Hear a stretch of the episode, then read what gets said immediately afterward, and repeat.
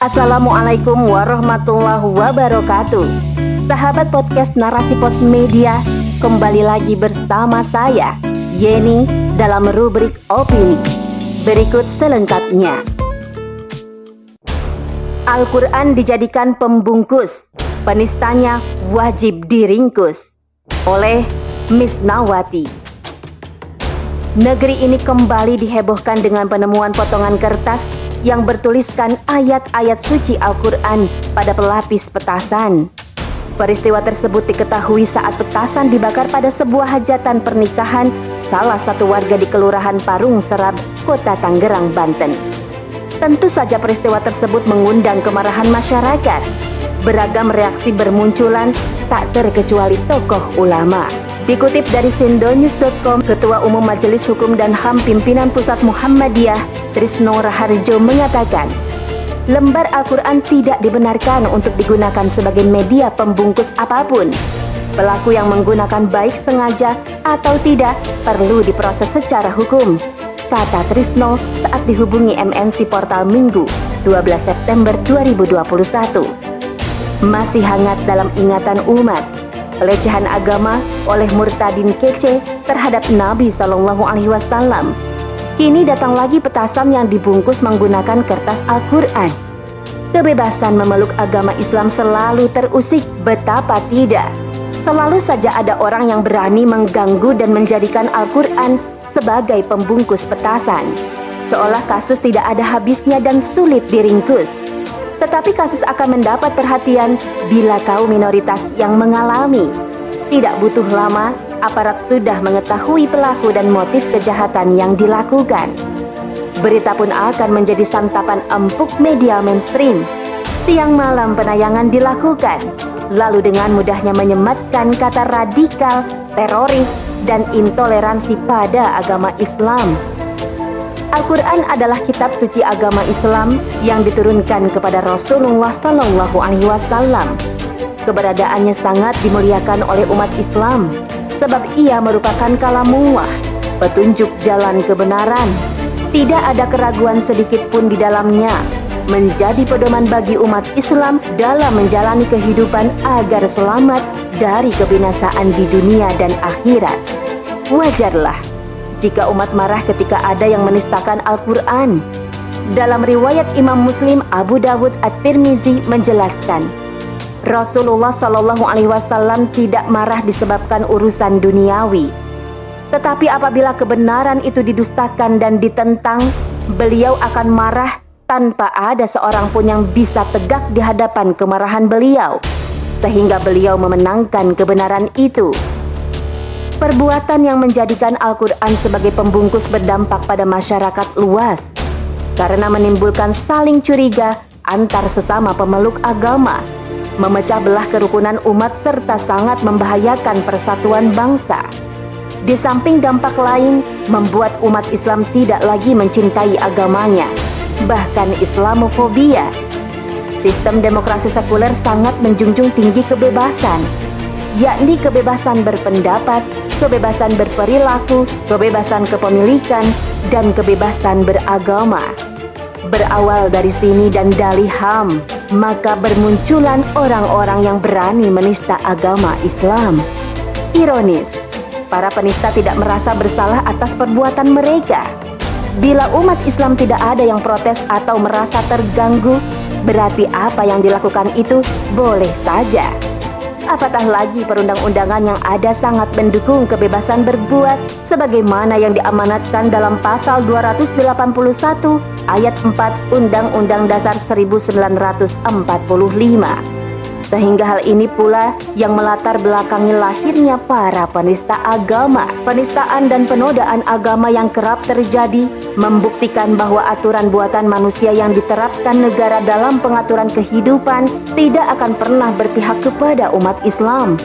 Selama perbuatan itu mendatangkan kemanfaatan, maka akan dikerjakan meskipun menyimpang dari kebenaran agama Islam dan simbol-simbolnya hanya diperlukan saat kampanye, sumpah jabatan, pembuatan undang-undang, atau kebijakan yang syarat kepentingan elit politik.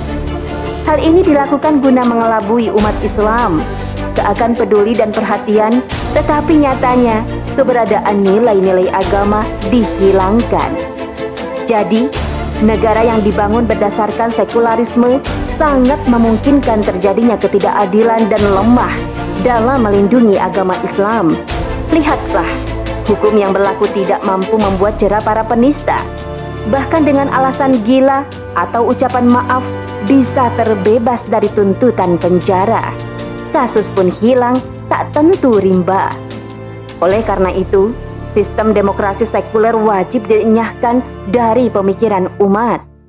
Selain lemah dan terbatas, sistem ini sangat buruk dalam mengatur kehidupan manusia.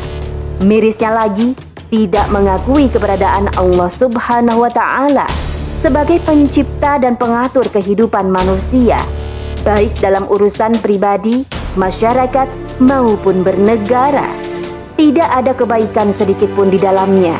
Yang ada malah menciptakan kegaduhan. Kesempurnaan Islam telah ada semenjak di bawah Rasulullah Shallallahu Alaihi Wasallam. Tidak ada yang berani melakukan penyimpangan atau menghina Al-Quran. Rasulullah Shallallahu Alaihi Wasallam telah mengingatkan dalam sabdanya, dan jika kamu tanyakan kepada mereka tentang apa yang mereka lakukan itu, tentu mereka akan menjawab, Sesungguhnya kami hanya bersenda gurau dan bermain-main saja. Katakanlah, apakah dengan Allah, ayat-ayatnya, dan Rasulnya kamu selalu berolok-olok? Tidak usah kamu minta maaf, karena kamu kafir sesudah beriman. Jika kami memaafkan segolongan dari kamu lantaran mereka taubat, niscaya kami akan mengazab golongan yang lain disebabkan mereka adalah orang-orang yang selalu berbuat dosa. Terjemah Quran Surat At-Taubah ayat 66 Dalam catatan sejarah, pada peristiwa Perang Tabuk, kala itu kaum munafikin telah menghina para sahabat radhiyallahu anhu. Tetapi Rasulullah Shallallahu Alaihi Wasallam tidak memaafkan serta tidak menerima berbagai alasan mereka. Sekalipun hanya bercanda, hingga beliau Shallallahu Alaihi Wasallam membacakan Al-Quran surat At-Taubah ayat 66 tersebut. Perbuatan menistakan dan menghina agama sangat dilarang Allah Subhanahu wa Ta'ala, sebab termasuk dosa besar.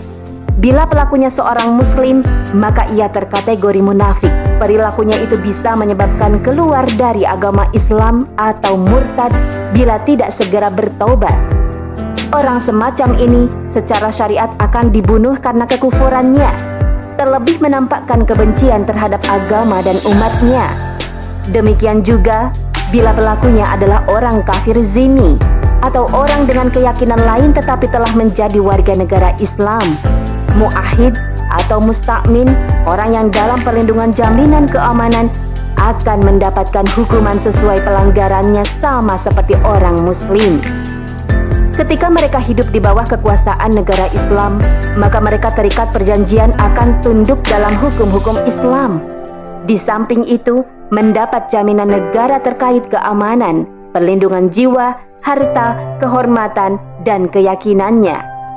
Ketika yang melakukan penistaan agama adalah seorang kafir harbi atau orang yang tidak terikat hukum Islam, maka wajib diperangi.